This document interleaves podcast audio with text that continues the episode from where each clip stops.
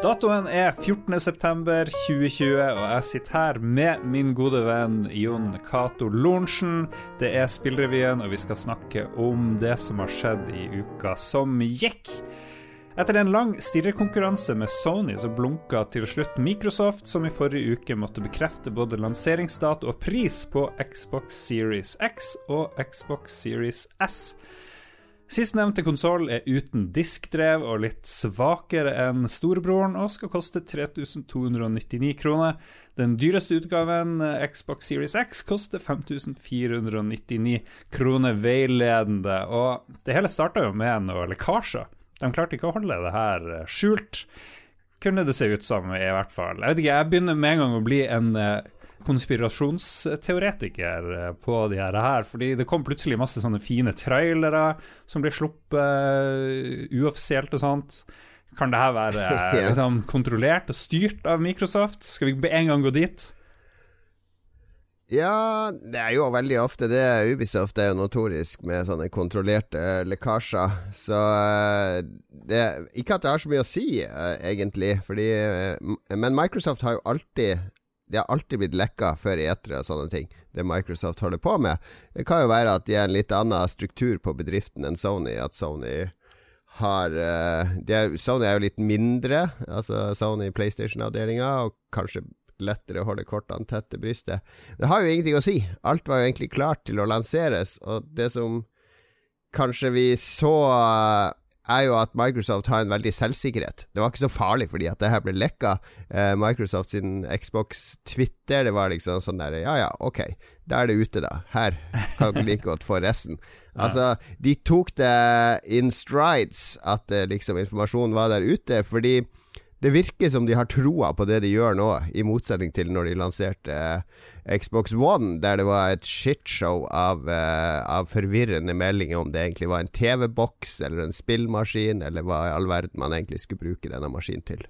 Ja, men jeg har sett en del reaksjoner på Twitter. Nå er jo ikke Twitter representativt for noe som helst, men det var i hvert fall en par eh, tråder der om stakkars uh, Microsoft. Uh, masse folk har fått arbeidsdagen og masse jobb og forberedelser ødelagt, og nå må de rigge om alle planene sine og sånt, så det er ikke alle som er enig med deg, men det virker jo som om det meste var klart på forhånd. Ja, Det finnes jo reelle lekkasjer. En av de morsommere episodene der, det ble jo aldri lekka, men det var jo når Neil Druckman i Naughty Dog, før The Last of Us 1 var annonsert, glemte en iPad på et fly med hele den reveal-traileren til Last of Us 1.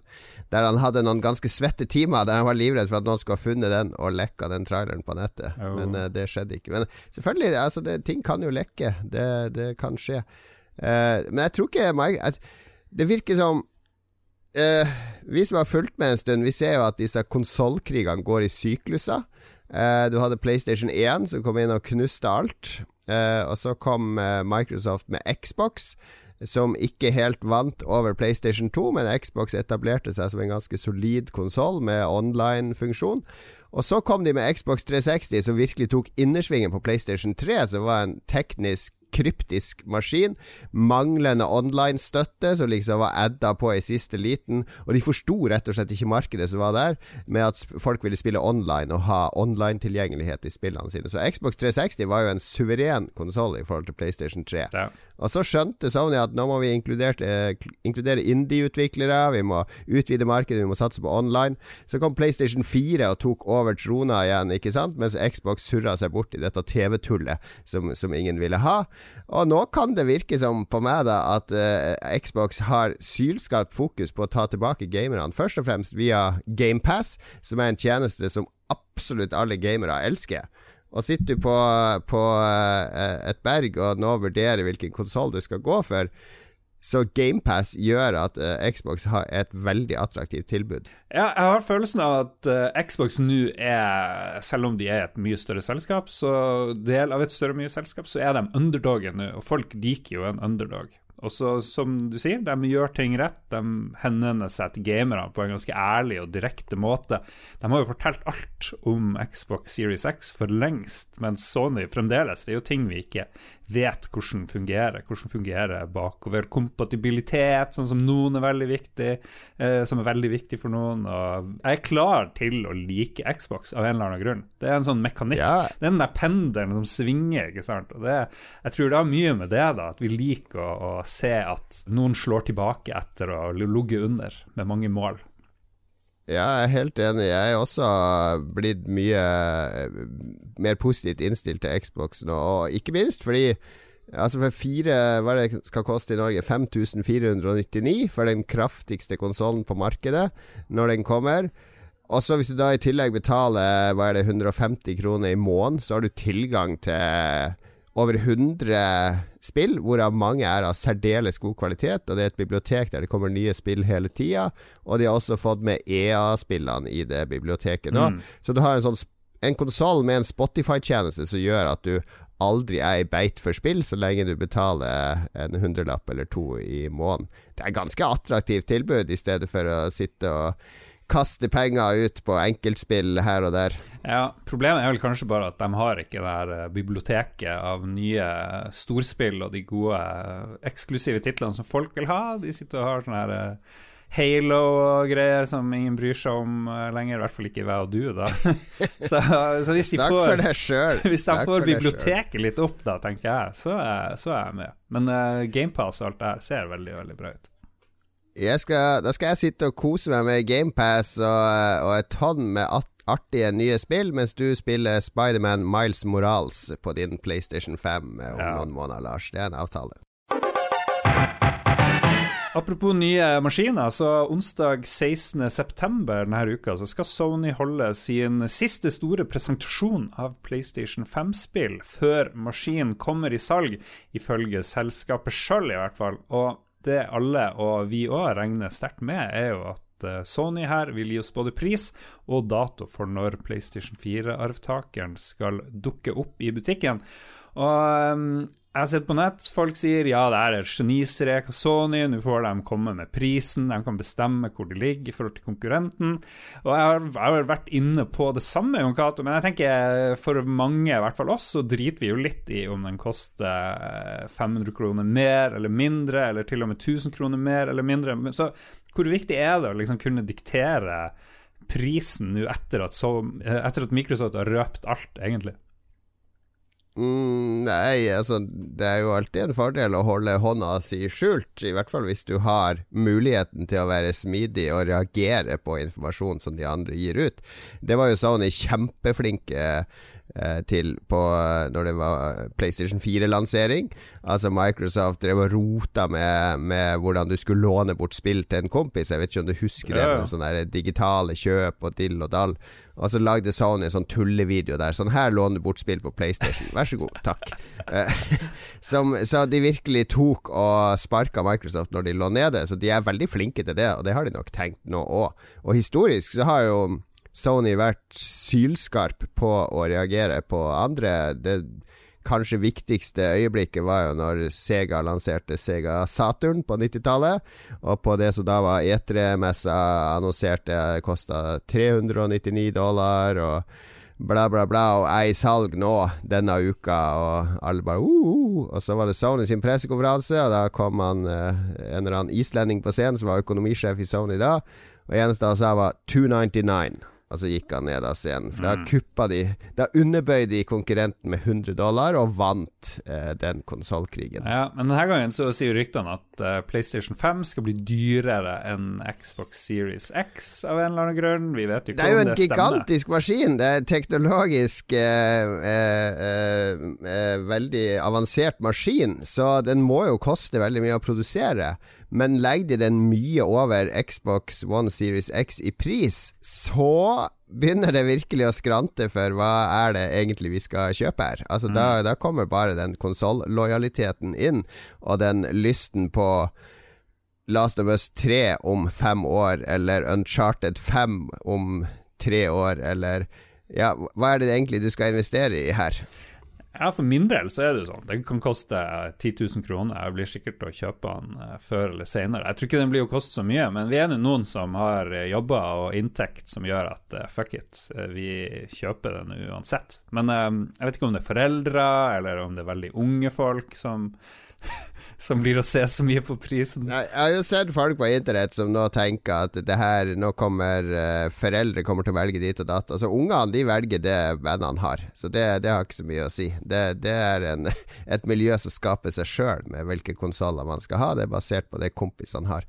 Men for oss voksne som tar bevisste valg, så, så, får vi se hva Sony har å slå i bordet med. Vi vet jo ennå ikke lanseringstitler på PlayStation 5, bortsett fra Spiderman Miles Moral, som er et uh, litt sånn add-on til det eksisterende Spiderman-spillet.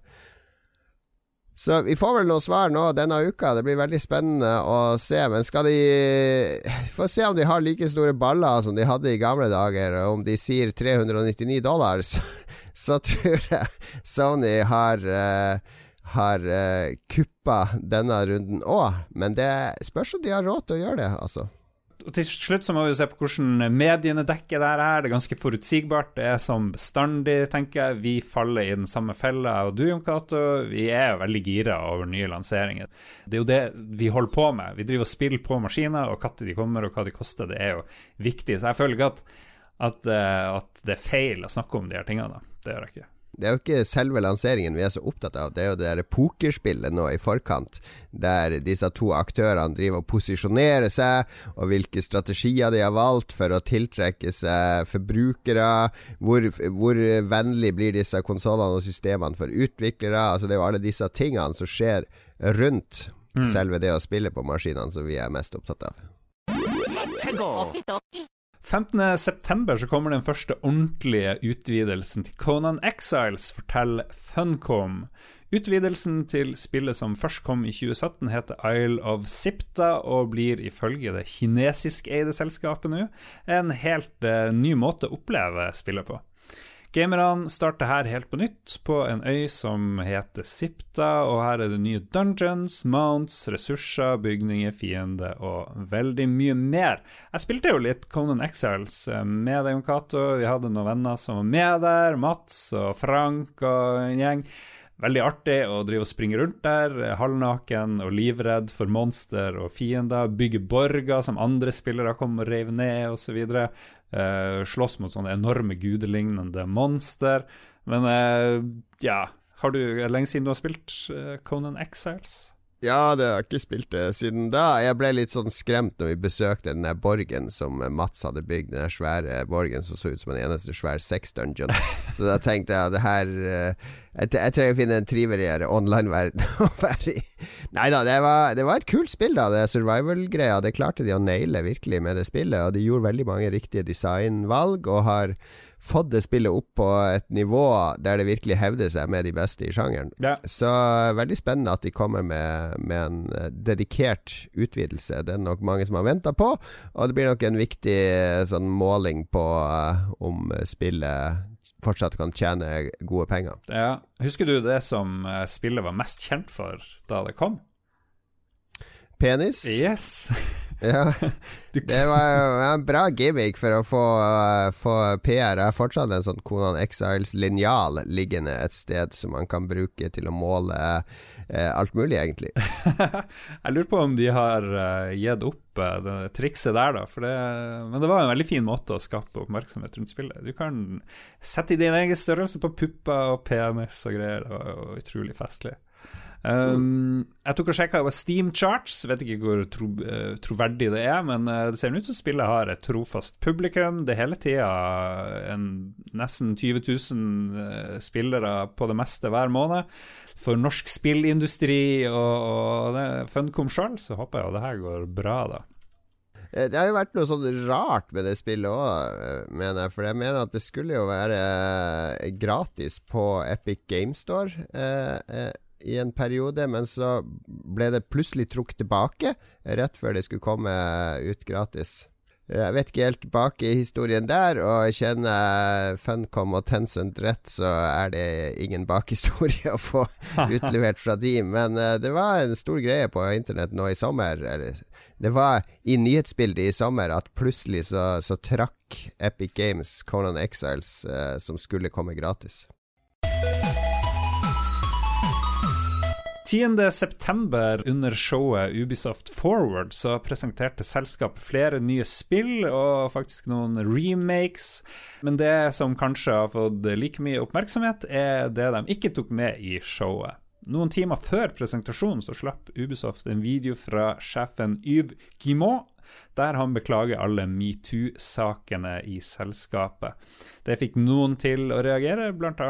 Eh, spillprofilen Jeff Keeley, som kritiserte at denne fire minutter lange beklagelsen og utdypinga av hva selskapet gjør rundt metoo, ikke ble en del av hovedshowet. Det ble kun lagt ut på Twitter, hvor eh, langt fra de fleste gamerne eh, er. Ubisoft forklarte det her med at de ikke hadde nok tid i Ubisoft Forward til å ta det her med.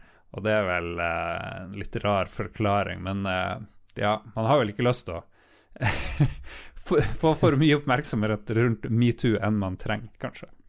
Ja, det er vel uh, et annet budskap de vil at de som kun ser det showet, skal sitte igjen med, enn at uh, må vi, må, må jo huske på at de aller fleste som spiller spill, eller ganske mange som spiller spill, jeg vil si de fleste, mm. de følger ikke med på spillnyheter. Altså, de leser ikke spillmedia og sånn. De kjøper spill av og til for å slappe av, og så er de ikke sånn ekstremt opptatt av å følge fra uke til uke med hvilke skandaler det er, og mm. hvilke arbeidsgivere som er, uh, har svin på skogen og sånne ting. Ja. Så å putte det inn i det hovedpresentasjonen, det vil jo potensielt uh, gjøre nye folk oppmerksom på grumset som hviler i Ubisoft, så det er nok grunnen til at de har lagt det litt på sida. Ja, for nye lyttere og de som ikke har fulgt så mye med på Ubisoft og Metoo, så kan vi jo bare kjapt si at det, det er vel det selskapet som kanskje kom eh, dårligst ut da spillbransjen eh, tok opp igjen eh, metoo-saken i år. Eh, før sommeren så kom det veldig mye anklager mot uh, høytstående folk i selskapet, bl.a. den hovedkreative kraften i selskapet som jeg ikke husker navnet på nå. Serge. Serge. Han, eh, han er kasta ut fra gutteklubben, for det var jo en gutteklubb der, Ubisoft. Møter på strippeklubb, eh, mange damer og eh, andre som følte seg veldig ille til mote i, i, flere situasjoner i det selskapet. Assassin, den nye eh, kreative lederen for Assassin's Creed måtte jo gå etter å ha hatt seg med flere damer på kontoret, til tross for at han var gift og hadde barn. Eh, så tydeligvis en, en litt grell kultur der. Yves sa i denne Twitter-greia si at de skal bruke 1 million dollar på å støtte underrepresenterte grupper, de vil styrke sitt mentorprogram for å få større mangfold i selskap, og i tillegg så beklager han jo det som hadde skjedd. Eh, men ellers, fra hovedshowet der eh, Ubisoft Forward, så presenterte de en remake som vel var lekka eh, allerede, av Sands of Time, Prince of Persia Sands of Time de som har sett denne traileren, jeg har ikke sett den sjøl, sa at det så ikke så veldig fancy ut. Fint spill da det kom. Og så kommer Scott Pilgrim versus The World, The Game. Det er interessant, for det er et av disse spillene som har forsvunnet. Ja. Altså Det var kun i salg digitalt på Xbox Live Arcade og, og online-butikker. Og så ble det fjerna, og det er basically som å, å fjerne noe fra historien. Uh, er jo veldig for at alt av spill skal være uh, offentlig tilgjengelig i en eller annen form, akkurat som vi har med bøker og tidsskrifter og andre kulturuttrykk.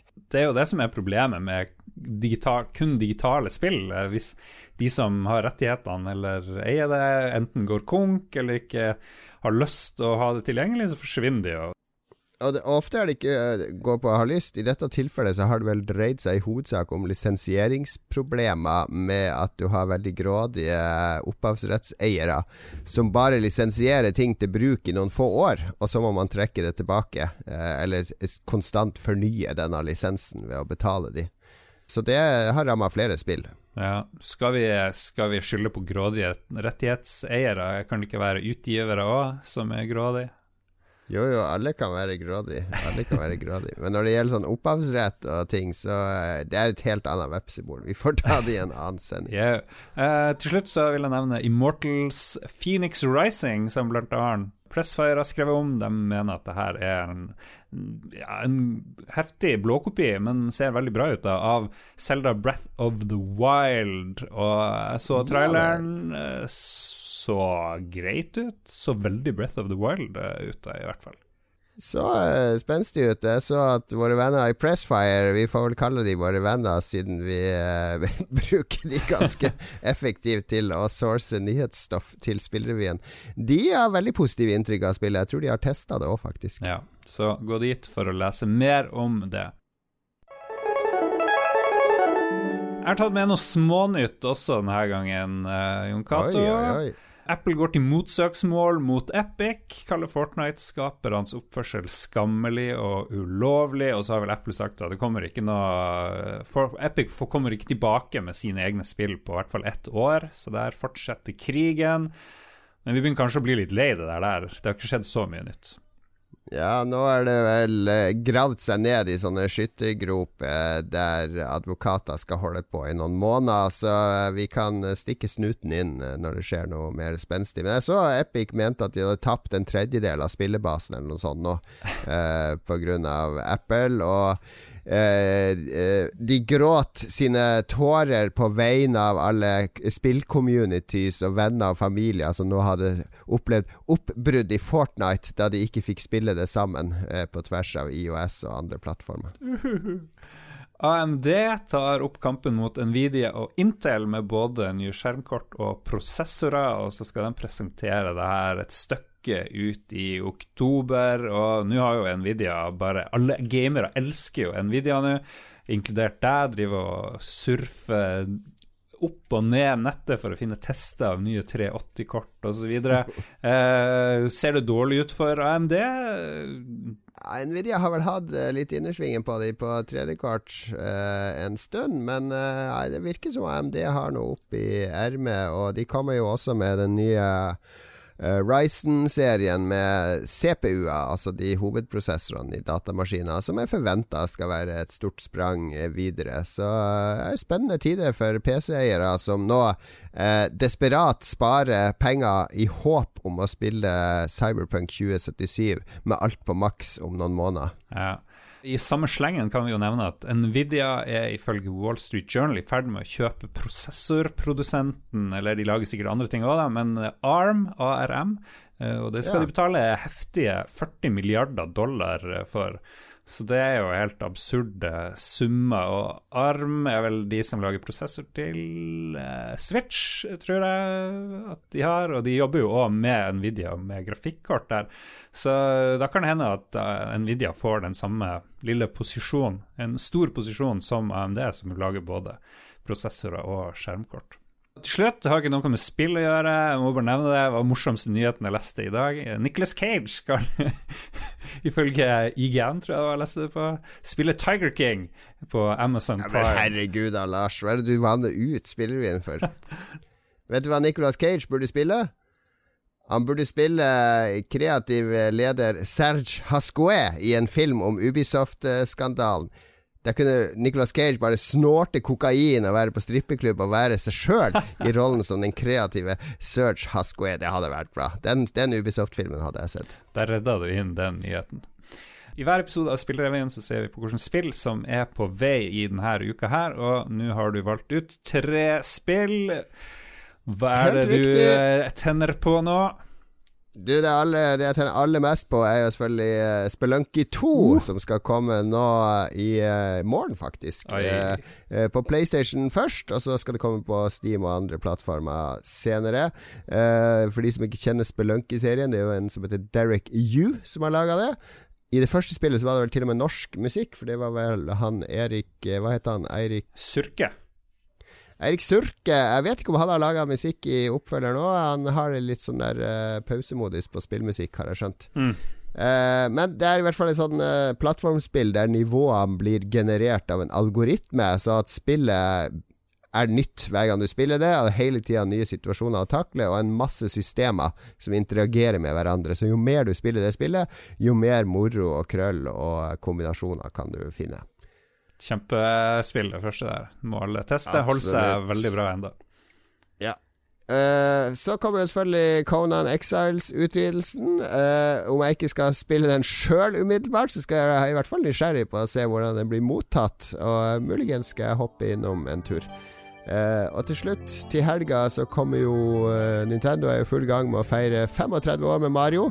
Det var vel forrige uke at selve 35-årsdagen var for den første lanseringa av Super Mario Bros. i Japan. Da kommer det første spillet som skal feire dette, Super Mario 3D All Stars, som er en nyutgivelse av Super Mario 64, Super Mario Sunshine og Super Mario Galaxy. Tre ikoniske Mario-spill der. Tre ganske forskjellige Mario-spill òg, vil jeg si. Jeg vet ikke om jeg blir å spille det, men jeg er veldig glad i at gamle spill er tilgjengelige, akkurat sånn som Scott Pilgrim er på vei. Men vet du hva, jeg klarer ikke å slutte å tenke på Nicholas Cage som han Tiger King. Jeg bare ser ham for meg. Det kommer til å bli så bra. Du får uh, tegne en tegning av Nicholas Cage som Tiger King, som du kan dele med lytterne våre uh, innen neste episode. På vår Twitter. Vi er jo et spillervien på Twitter, så du kan følge oss der. ellers så kan du kommunisere med meg og Lars lettest i, på Discord. Lolbua sin Discord. Der er vi begge to. Yes, Du finner lenke alt mulig på lolbua.no, og vi er på Facebook og alt det der. Der. Det får holde. Du kan også støtte oss på Patrion, selvfølgelig. Eh. Til slutt, hva er det folk skal gjøre frem til neste uke, Jon Cato? Nå er det høst, så må man skalke luken. Høststormene har kommet i Oslo. Eh, jeg skal vaske sykkelen og gjøre den klar for høsten, og finne frem vinterdekk. Det anbefaler andre å gjøre. Finn frem vinterdekk. Vi snakkes om en uke. Ha det bra.